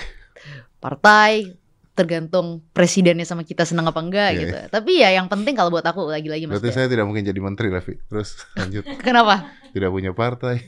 tapi mungkin nggak harus partai siapa tahu siapa tahu ada ntar presiden selanjutnya kesengsem sama Mas Ded Oh iya, siapa tahu ya. iya Menteri olahraga. Menteri olahraga. iya menteri, Menteri olahraga yang benar-benar olahraga. Iya. Lanjut. menteri olahraga tiap pagi nge-gym ya Iya. kan Boleh dong. Iya. Boleh dong. Boleh dong. pagi para rakyat ya Iya. kan? bahasanya pakai para Para rakyat rakyat. Iya. kacau sudah olahraga belum hari ini Iya. gitu Boleh kan dong. Boleh kampanye olahraga. betul kan. hashtag menpora Hashtag gitu. Menpora. Wih, ini luar biasa. udah nih udah kita siapkan Wih, sertijab deh yuk. so, jadi lu mengatakan bahwa lu ngambil any chances gitu. Iya, yang bisa membuat eh, ide-ide yang eh, yang aku passionate soal perempuan bisa tertuang dengan baik gitu. Makanya aku pun nanti di 2024 eh, kalaupun aku memutuskan mendukung seorang tokoh gitu menjadi presiden, ya aku pengen melihat orang ini memang punya kerja nyata gitu dan memang eh, ini ya apa namanya punya kesadaran terkait misalnya isu-isu perempuan tadi soal equality tadi dan kesadaran tentang eh, ini dan keinginan untuk memang betul-betul menuangkan ini menjadi kebijakan nggak cuma jadiin gimmick kita tahu kan misalnya dalam pemilu sebelumnya tuh perempuan tuh gimmick banget Mas Dad gitu. Ya ini mungkin ya mungkin otokritik ke partaiku juga dulu gitu atau diriku sendiri gitu. Wah, flash mob gitu, ibu-ibu kita flash mob, flash mob ini gitu dan lain-lain gitu. Wah, lihat foto sama ibu-ibu udah dianggap paling pro perempuan gitu. Tapi yang paling penting sih menurut aku ya bukan itu. Yang paling penting kebijakannya apa nih buat Ya, lu benar-benar mendukung kebijakan-kebijakan itu apa enggak gitu kan? Betul, intinya. yes gitu. ya itu. Maksudnya ini kan bukan kebijakan untuk misalnya supremasis atau apa pun itu kan, tapi ya lagi misalnya mungkin membantu misalnya UMKM perempuan, orang-orang yang mau mencoba berbisnis perempuan pertama kalinya Ya. gitu. Modalnya belum terlalu besar. Terus kemudian membantu eh ya itu lagi-lagi perumusan-perumusan nih kan udah ada undang-undangnya sekarang tuh Hmm. penghapusan kekerasan seksual. Tapi kan Bukannya perlu sudah. udah ada. Undang-undang udah. Udah dong. Udah, tapi perumusan regulasi ke bawahnya itu juga perlu lebih baik gitu misalnya. Oh, itu mah susah. Makanya Katanya kita butuh yang punya komitmen gitu Mas Ded. Gini nih Mas Ded, aku tuh tak percaya politik itu nggak gampang gitu. Kadang orang tuh menganggap, aduh semuanya bisa cepet nggak, semuanya bisa cepet nggak. Oh. Nggak bisa. Aku ngerti ada bener-bener kompleks pengambilan keputusan. Mungkin komitmen dari atas tuh bagus gitu, tapi memang ada birokrasi, Ya, ya. regulasi. Jadi barriernya juga barriernya banyak, banyak, kan? administratif barriernya itu banyak gitu. Tapi yang penting ada komitmen dulu. Iya. Kalau ada komitmen dulu bisa sama-sama kita coba kerjain gitu. Jadi meskipun lama tapi kalau misalnya misalnya presidennya gitu atau wakil presidennya atau menterinya tuh bilang, "Eh, saya komit gitu. Saya tuh beneran mau ini." Kita juga ngerjainnya senang meskipun akan banyak barrier, tapi atas kita tahu bahwa ini keinginan bersama gitu, Iya. ada kesadaran di situ. Yes. Oh, I'm amazed by you. Hmm? I'm amazed by you. Hmm. Great. Amazing. Jadi pertanyaan gua nggak dijawab ya. Intinya mah apa aja ya? Apa aja yang bisa mendukung your patience untuk wanita? Betul. Ah. Kalau aku sih ngerasa kayak gitu gitu karena Tapi what is the tipping point sih sebenarnya? em, Kan lu bisa begini harus ada tipping pointnya dulu dong. ya mungkin yang mentransform ya. Em, gak tahu sih kayaknya kayaknya proses sekolah refleksi aku jauh kan dari Indonesia gitu. Selama ini tuh aku berada di dalam sistem lah, atau nggak sistem banget juga sih, tapi berada dalam pusaran politik. Bahkan nggak ada waktu untuk aku misalnya refleksi terhadap kayak Indonesia, masalah yang kita hadapi itu nggak ada sama sekali. Pagi hari bangun, oke kampanye, politik, ini ini ini meeting ini, ketemu orang dan lain-lain. Jadi ketika kita terus melakukan itu, ya kita menyerap, tapi kemampuan kita untuk merefleksikan apa yang kita serap tuh jadi minimal banget Mas Ded. Karena Oke. besoknya gitu lagi, besoknya gitu lagi, besoknya gitu Ah. lagi. Tapi ketika 2019 selesai, terus aku memutuskan untuk kuliah dan aku merasa ini adalah keputusan yang sangat-sangat penting banget untuk kayak diri aku hari ini adalah refleksi aku tuh banyak banget karena aku jauh dari Indonesia tiba-tiba. Dan aku tiba-tiba nggak harus meeting tiap hari, aku nggak kampanye dan nggak ketemu orang Indonesia kayak gak ada yang kenal siapa itu Samara di New York gitu kan. She's just another student gitu kan, nobody lah gitu. Aku ngerasa beda banget situasinya dan aku jadi bisa refleksi nih yang apa yang dulu aku serap-serap gitu. Oh gini ya, oh gini ya, oh kayaknya tuh kita tuh ini tuh kayak terlalu gimmick deh dulu gue. Aduh gue tuh dulu terlalu mungkin nyolot, aku tuh mungkin terlalu apa namanya eh, punya cita-cita yang misalnya besar tapi step-stepnya nggak aku jalani. Ya karena tekanan-tekanan itu nggak ada ya. Tiba-tiba hilang and you free, you can think. Betul. Ya? Aku kayak bisa, aku punya freedom untuk berpikir apa yang seharusnya aku lakukan dan itu jadi jadi jadi makin kelihatan sebenarnya apa sih yang ingin aku betul-betul perjuangkan. Karena kalau dalam politik ini dan mungkin aku rasa dalam hidup ya, nggak mungkin kamu memperjuangkan semua hal, nggak mungkin. Kayak memperjuangkan eh, masalah eh, lingkungan, iya aku sih berharap kita lebih serius gitu. Yang memperjuangkan masalah kemiskinan, of course kita, aku berharap kita lebih serius. Tapi nggak mungkin kita do kayak semuanya all at once gitu, do everything all at once tuh nggak mungkin. Semuanya bersamaan nggak mungkin harus ada satu yang kita fokusin at least dengan ada yang satu kita fokusin itu ada hasil nyata. Dibanding ngelakuin semua hal nggak ada yang jadi. Ya dan itu di hal yang lu benar-benar ngerti dan passion kan. betul. Ya, ya, gitu. ya. jadi itu sih kayaknya sekolah itu sih. Itu jauh dari Indonesia dan sekolah tuh tempat kayak untuk lebih reflektif. Oke. 2024 gimana dong? gimana? Apanya dulu nih? Yang gimana? Lu masuk partai lagi? I don't know. Nggak tahu sih. Kayaknya sih mungkin enggak lah. Kayaknya sih mungkin enggak tapi aku pengen eh, dukung again kandidat presiden yang bagus sih aku pengen karena buat aku presiden Indonesia tuh punya power yang sangat luar biasa Sorry Samara, definisi presiden yang bagus tuh gimana ya? Oke. Kalau menurut aku tuh, kalau menurut aku ya, gampangnya gampangnya itu tiga. Ini orang nganggap kayak normatif tapi nggak normatif sebenarnya.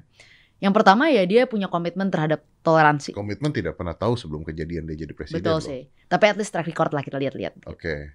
Komitmen terhadap toleransi gitu. Gimana dia eh, ada track record terhadap toleransinya baik apa enggak gitu kan. Karena Toleransi ya. toleransi. Toleransi ini toleransi antar manusia ya, agama, ras, Yes, suku dan semuanya, sebagainya ya. betul. Oke, berarti Pancasila ya. Yes. Oke. Itu penting banget buat aku karena ya kita kita emang hidup di di negara yang sangat multikultural gitu kan, multi agama dan lain sebagainya. Jadi penting untuk kita menjaga itu semua Oke. merekatkan dan komitmennya harus ditunjukkan sama presidennya dan track recordnya harus menunjukkan komitmennya dong. Oke. Yang kedua em, ya yang punya kepedulian terhadap misalnya isu-isu perempuan gitu ya. Yang memang serius gitu, mungkin dia punya track record membantu dalam isu perempuan dan kebijakan-kebijakan pro perempuan. Dan yang ketiga ya punya track record dan hasil kerja. Dari tadi kan aku bicara track record nih. Tapi kadang-kadang track recordnya mungkin nggak bagus gitu dan hasil kerjanya nggak nyata, nggak real gitu, nggak bisa kita ukur, nggak bisa kita evaluasi, sehingga susah untuk kita juga bisa memprediksi. Karena kalau buat aku, gimana cara kita tahu bahwa seseorang ini akan jadi presiden yang baik, akan jadi administrator yang baik, manajer yang baik, apa pun itulah ya bidangnya. Kalau kita tidak bisa mengevaluasi sebelumnya track record dia apa gitu. Hmm. Karena ini kan jabatan paling tinggi nih Mas Det. Hmm. Kalau untuk nyalek segala macam, mungkin ini arena pertama, oke. Tapi untuk presiden menurut aku atau wakil presiden ya kandidat lah dua kandidat ini tiket ini ya kita harus bisa evaluasi track record dia baik itu secara toleransi isu perempuan karena itu isu yang dekat sama aku dan hasil-hasil kerja yang menunjukkan bahwa dia membawa perbaikan di baik itu sektor mungkin kalau kementerian atau misalnya daerahnya nanti. That's it sih menurut aku. Oke, dan gua nggak mau nanya siapa orang ya, tapi Iya. lu punya pilihan sekarang? aku sih ngerasa ya kita di toko-toko yang aku sebut itu adalah toko-toko yang aku senangi sih jujur aja. Aku nggak aku nggak nggak bohong. Aku seneng toko seperti Kang Tuan Kamil ada juga misalnya di Jawa Timur eh, namanya Mas Emil Dardak kalau misalnya Hmm, tahu, Mas tahu. dia tahu aku suka dan misalnya ya Pak Erick Thohir aku seseorang yang juga aku kagumi sebagai menteri dan juga Pak Ganjar itu sosok-sosok yang menurut aku aku suka Tapi bukannya your husband kemarin baru nge-tweet tentang Ah. kinerja Anies? Iya itu itu juga lucu tuh. Itu lucu karena kondisinya tuh ya my husband tuh adalah orang yang sama sekali nggak tertarik sama politik praktis nol Oh. gitu. Jadi jadi pastinya dia tuh sebenarnya dia tuh lucu banget dia kayak kaget ini kenapa jadi masalah besar ya? dia Gitu. bahkan nggak ngerti itu ya. Enggak dia nggak tertarik politik praktis. Jadi suamiku tuh udah lama ngabdi di NU gitu. Dia di NU eh, dan dia kan sekarang jadi profesor di Amerika gitu. Jadi udah emang dia tuh nggak tertarik politik praktis. Dia ya fokus kepada yang tertarik aja apa ya hal-hal yang menarik buat dia aja. Ya apa yang dia lihat, dia lihat ya dia. Betul, dia anggap itu gitu waktu itu kan situasi COVID-19 ya. Dan kalau boleh jujur, waktu itu tuh bahkan aku masih di PSI kan waktu itu. PSI pun memuji kinerja gubernur DKI waktu itu. Karena waktu itu ada keseriusan dan waktu itu kita tuh meninggalkan politik praktis sama sekali 100% karena please ini lagi kayak pandemi kayak Nah, literally orang meninggal gitu. Jadi hal itu dulu. Betul, kita melupakan semua hal itu ya. Semua orang tuh komentar, wah bagus eh, Pak gitu. Bahkan kalau nggak salah salah satu anggota DPRD PSI komentar kayak gitu, aku komentar kayak gitu. Jadi ya suamiku komentar kayak gitu ya karena dia ngelihat apa yang dia lihat aja kebetulan. Tapi disambungin sama lu keluar dari PS. Makanya, padahal udah dua tahun lalu, kok dulu nggak disambungin bisa juga kan? Iya. Dan emang kalau aku ya Mas Dad, aku tuh dari dulu komit eh, prinsip ya dalam dalam aku berpolitik. Kalau beda tuh secara politik, tapi nothing personal gitu. Jadi kalau dulu dosen aku pernah ngasih tauin kalau kita berdebat itu cukup sampai di bibir jangan turun ke hati gitu. Kenapa? Karena nggak sehat kalau politik kita tuh semuanya Gimana personal. caranya lu berdebat di politik nggak turun ke hati? Gak tau sih. Aku kalau misalnya ini anggap Mas Orang politik aja bisa bunuh-bunuhan kok. ya itu sih itu yang nggak sehat sama sekali menurut aku. Ya, tapi, tapi how? how how how can you Kayak- debate someone uh, nggak turun ke hati? Debat itu kan dimulainya dari hati dulu, sakit hati. Benar. Tapi gak tahu ya.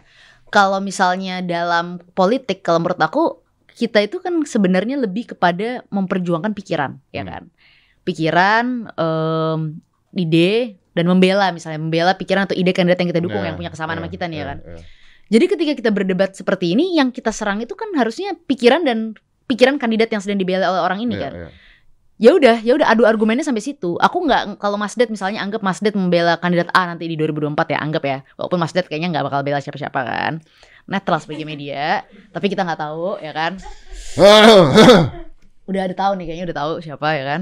ya. Tapi anyway, anyway, misalnya anggap aja nih kita Mas Det simulasi ya. Kandidat A, Mas Det bela. Aku kandidat B gitu kan. Yang aku lihat dari Mas Det di sini adalah Mas Det sedang membela kandidat A dan pikirannya. Aku nggak melihat, wah Mas Dedi ini ngeselin banget, ngomongnya nggak enak dan lain sebagainya. Itu yang aku lihat. Berarti kita boleh dong debat di satu forum habis itu kita eh, ngopi bareng. Iya, Ngobrol. Yang itu yang aku lakukan orang seperti orang seperti orang-orang dengan Mbak Sarah. Aku berteman lama sama Mbak Sarah. Padahal selama kampanye 2019, Mbak Sarah itu dari kubunya Pak Prabowo dan aku dari kubunya Pak Jokowi. Kita berdebat sering banget, serang-serangan. Wah pokoknya serang-serangan lah. Dan kadang-kadang bisa panas gitu. Tapi setelah dari situ aku selalu pelukan sama Mbak Sarah. Kita ngopi, cerita masalah masing-masing. Oh, that's beautiful. Ya menurut aku begitulah harusnya politik kita sih. Karena ya udah ini kan bukan perbedaan Nah, personal. Ini- mungkin ini bisa untuk wanita kali. Itu yang pria aja sih? rapat pukul-pukulan. Mungkin habis itu juga ngopi bisa jadi sih. aku nggak akan kaget sama sekali karena itu yang aku lihat. By the way, Mas Dedi ini juga sesuatu yang eh, aku develop dengan waktu. Aku dulu tuh menganggap bahwa eh, aku juga kita nggak usah bohong lah. Sama lah, aku kan dulu kan nggak langsung masuk ke politik tuh sebagai orang yang dewasa dong pastinya Iya, iya, ya kan. Sama seperti masyarakat yang mungkin sekarang ribut-ribut di Twitter ini, aku juga pernah mengalami masa itu. Jadi ketika aku datang ke meja debat itu siap menyerang Musuh gitu. nih. Ini musuh awalnya gitu nganggapnya gitu. Jadi udah mau serang-serangan gitu kan. Tapi terus aku ngeliat juga nih orang-orang di sekitar yang misalnya jadi teman debatku dan lawan debat orang depan ini ya kan. Terus debat nih mereka kan dengan orang yang berbeda di meja beda itu. Begitu debatnya selesai, dia sama orang itu berdua tuh politisi dua ini lebih serem gitu. Jontos-jontosan gitu kayaknya kayak wah wah wah, udah orang-orang lihat wah ini parah banget nih politik kita nih serem gitu. Udah kelar debatnya. Weh bro, apa kabar bro? Pelukan, ngopi, ngerokok bareng. Jadi aku ngeliat, oh ini tuh gak personal loh. Ini jadi kayak nyadarin aku gitu. Ini tuh gak personal Samara. Ini tuh semuanya hanya terkait kalau mungkin idealnya pemikiran dan ide. Kalau misalnya non idealnya mungkin ya ada Panggung kepentingan politik. ter- tertentu dan panggung politik Panggung tertentu. politik iya ya. pragmatisme misalnya mungkin si ini basisnya A Iya. gitu yang itu basisnya B tentu kita harus ber- berantem gitu tetapi ya yang menurut aku itu baik itu tradisi yang baik kalau menurut aku kenapa tradisi itu at least menunjukkan bahwa kita memiliki kepentingan yang berbeda dan value yang berbeda tapi bukan berarti kita harus bermusuhan kan Ya berarti you stop there gitu kan. Iya, udah cukup Lu berhenti dong, di sana cukup. gitu kan. Yes. Bukan artinya musuhan secara personal Betul. kan. Karena kita nggak pernah tahu loh. Maksudnya satu saat lu bakal jadi satu panggung politik yang sama kan bisa aja. betul kayak Pak Prabowo sama Pak Jokowi kan enak jadi rekonsiliasi Iya bener. Nggak pernah tahu kan Iya. akhirnya kan. Betul. Aku sih nggak selalu nganggap kayak gitu. Orang yang dulu mungkin beda pendapat sama kita, mungkin dulu di kubu yang berbeda bisa jadi satu kubu sama kita dan lain-lain gitu. Jadi dan gini lah ya, Mas Ded, ngapain sih kita cari musuh gitu? Beda pendapat, eh, ribut-ribut argumentasi, oke lah, one thing. Tapi cari musuh dengan nyerang orang secara personal itu menurut aku nggak Ya, sehat. stupid ya. Ngapain cari musuh tuh nggak worth it gitu. Kalau aku sih dari dulu prinsipnya di politik ini mau cari sebanyak-banyaknya teman, nggak mau cari musuh. Meskipun, of course, itu sesuatu yang nggak bisa kita hindarkan ya. Ya, ya, Pasti ada orang yang nggak suka. yang suka. Pasti. ya. Tapi yang paling penting itu bukan sesuatu yang bukan intensi kita lah untuk cari musuh. Tapi artinya saat ini lu nggak keluar dari dunia politik kan? Em, Dengan keluarnya lu dari PSI ini lu nggak keluar dari aku dunia keluar dari dunia partai politik for now, tapi nggak dalam dunia politik. Karena aku percaya bahwa politik tetap penting, gitu. Kayak misalnya sekarang aku mau memperjuangkan isu perempuan kan. Aku mungkin akan punya project-project lain nanti di luar partai atau di luar sistem. Tapi kalau nanti aku menganggap bahwa ada kebijakan-kebijakan yang penting kan tetap harus bertemu Ya, dengan ya, para ya. pengambil kebijakan. Dan gitu. kebijakan itu adanya di atas ya. Yes. Kalau lu tidak masuk ke dalam politik ya lu susah juga untuk membuat Betul, sebuah betul, atau betul. membantu wanita-wanita tersebut. Bener, makanya aku sebenarnya orang banyak bilang jadi Samara udah gak percaya lagi sama politik. Enggak, saya percaya sama politik gitu. Aku percaya sama politik. Dan justru aku di sini menegaskan aku nggak pernah mengundermine pera- politik karena politik itu bagian dari kehidupan kita dan gak mengundermine peran partai politik. It's Just ya udah aku merasa ini preferensi aku aja untuk saat ini sih. New challenge aja. Ya. Karena memang nggak ada yang sempurna juga sih kalau ngomong begini ya. Nggak akan pernah ada habisnya sih. I mean demokrasi sendiri juga tidak sempurna. gitu Betul, kan. pasti dong. Iya. Siapa? Aris Aristotle ah, Hmm. yang mengatakan demokrasi tidak sempurna. Betul. Bahkan sebenarnya kalau misalnya orang-orang seperti tokoh-tokoh seperti Aristotle sama Plato, mereka anti demokrasi. Anti demokrasi. Dan Iya. Aristotle itu akhirnya kalau nggak salah dihukum mati secara demokrasi. Sama akhir, gue pernah tahu ada buku against against democracy. James Ya. siapa gitu Ya, aku right? juga pernah baca siapa Right? sih? James Uh, Berson- Brennan, Brennan, some- Brennan something lah. Ya, aku udah baca bukunya. something Ya. against demokrasi ya. Karena Yes. mereka mengatakan bahwa orang-orang yang dipilih untuk vote itu biasanya tidak rasional ketika memilih vote bukan memilih yang terbaik tapi kebawa dalam hati kan bisa Betul. seperti itu kan.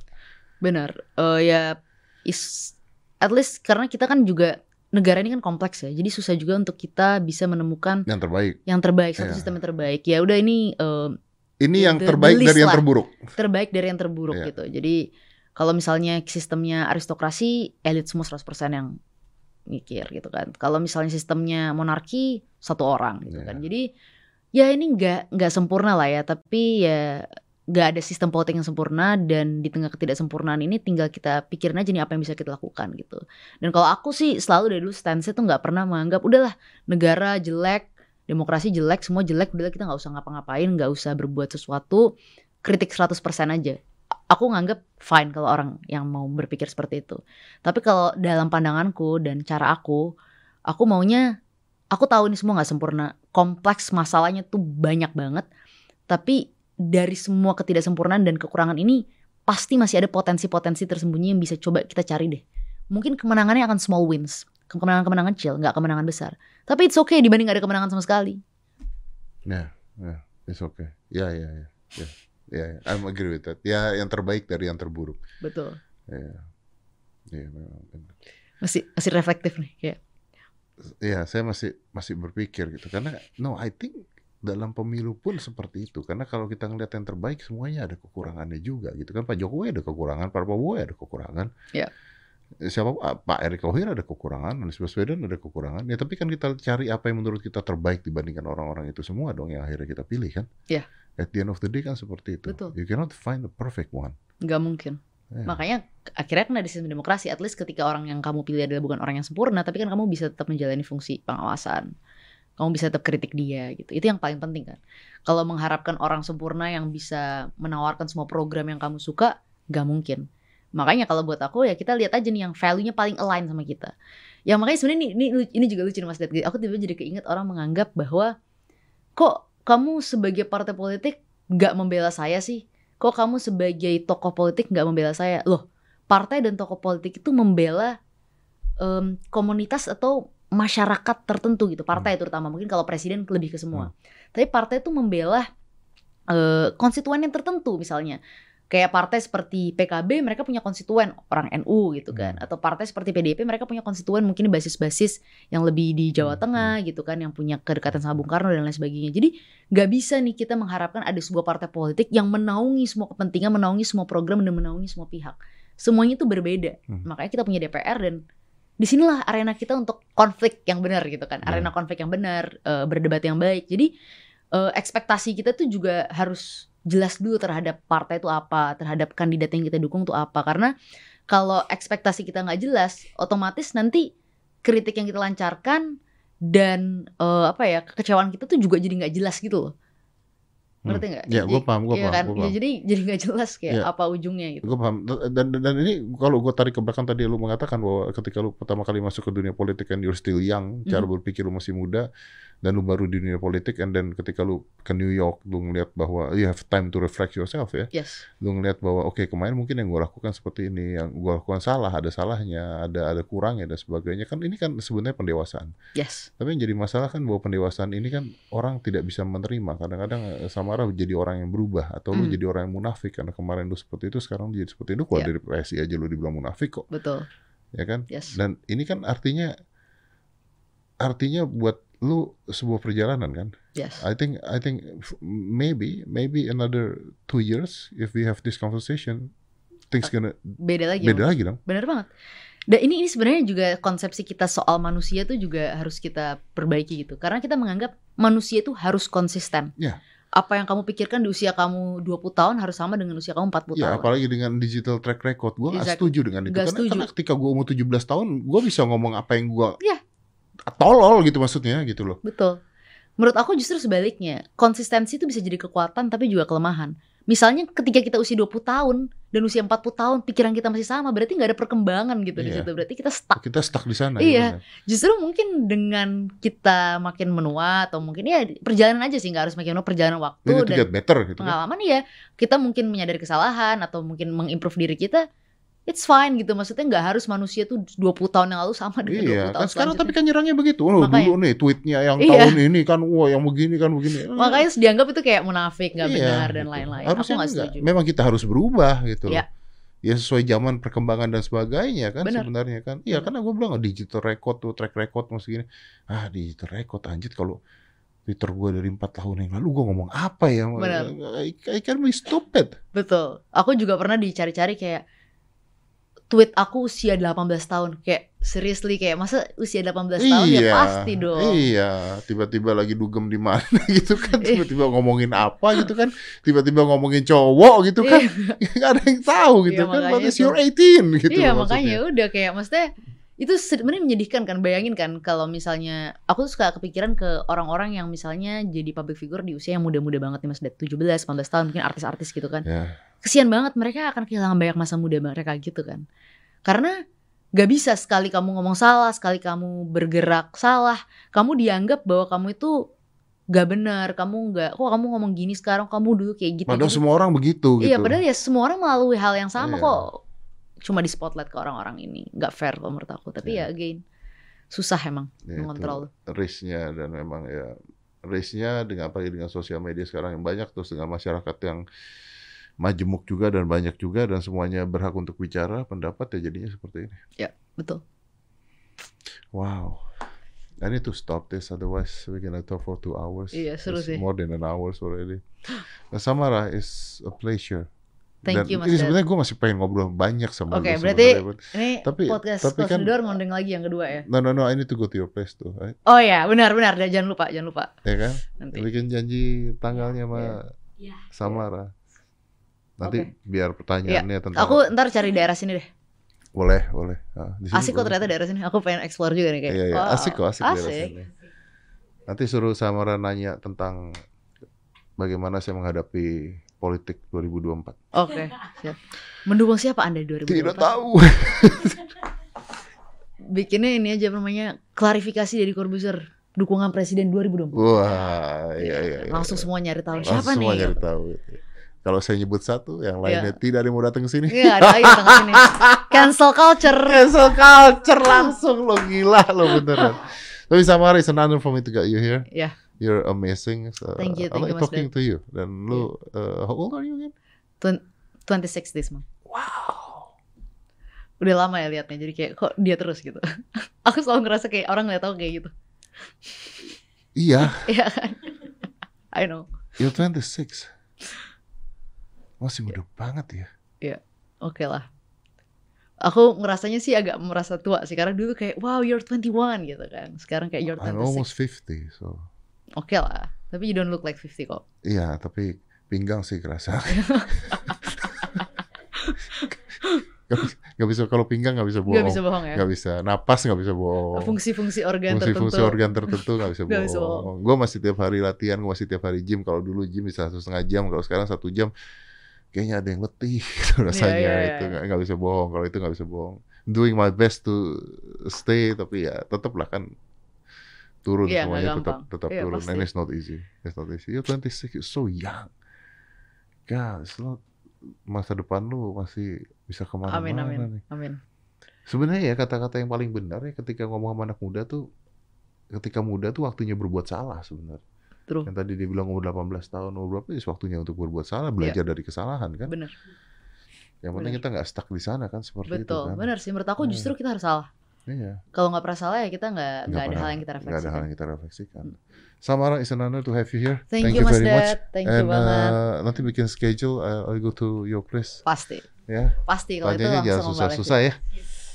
Saya rada-rada bodoh kalau ditanya tentang Oh enggak, politik. kita personal pertanyaan. Oh, personal. Personal jangan jangan dibahas ya.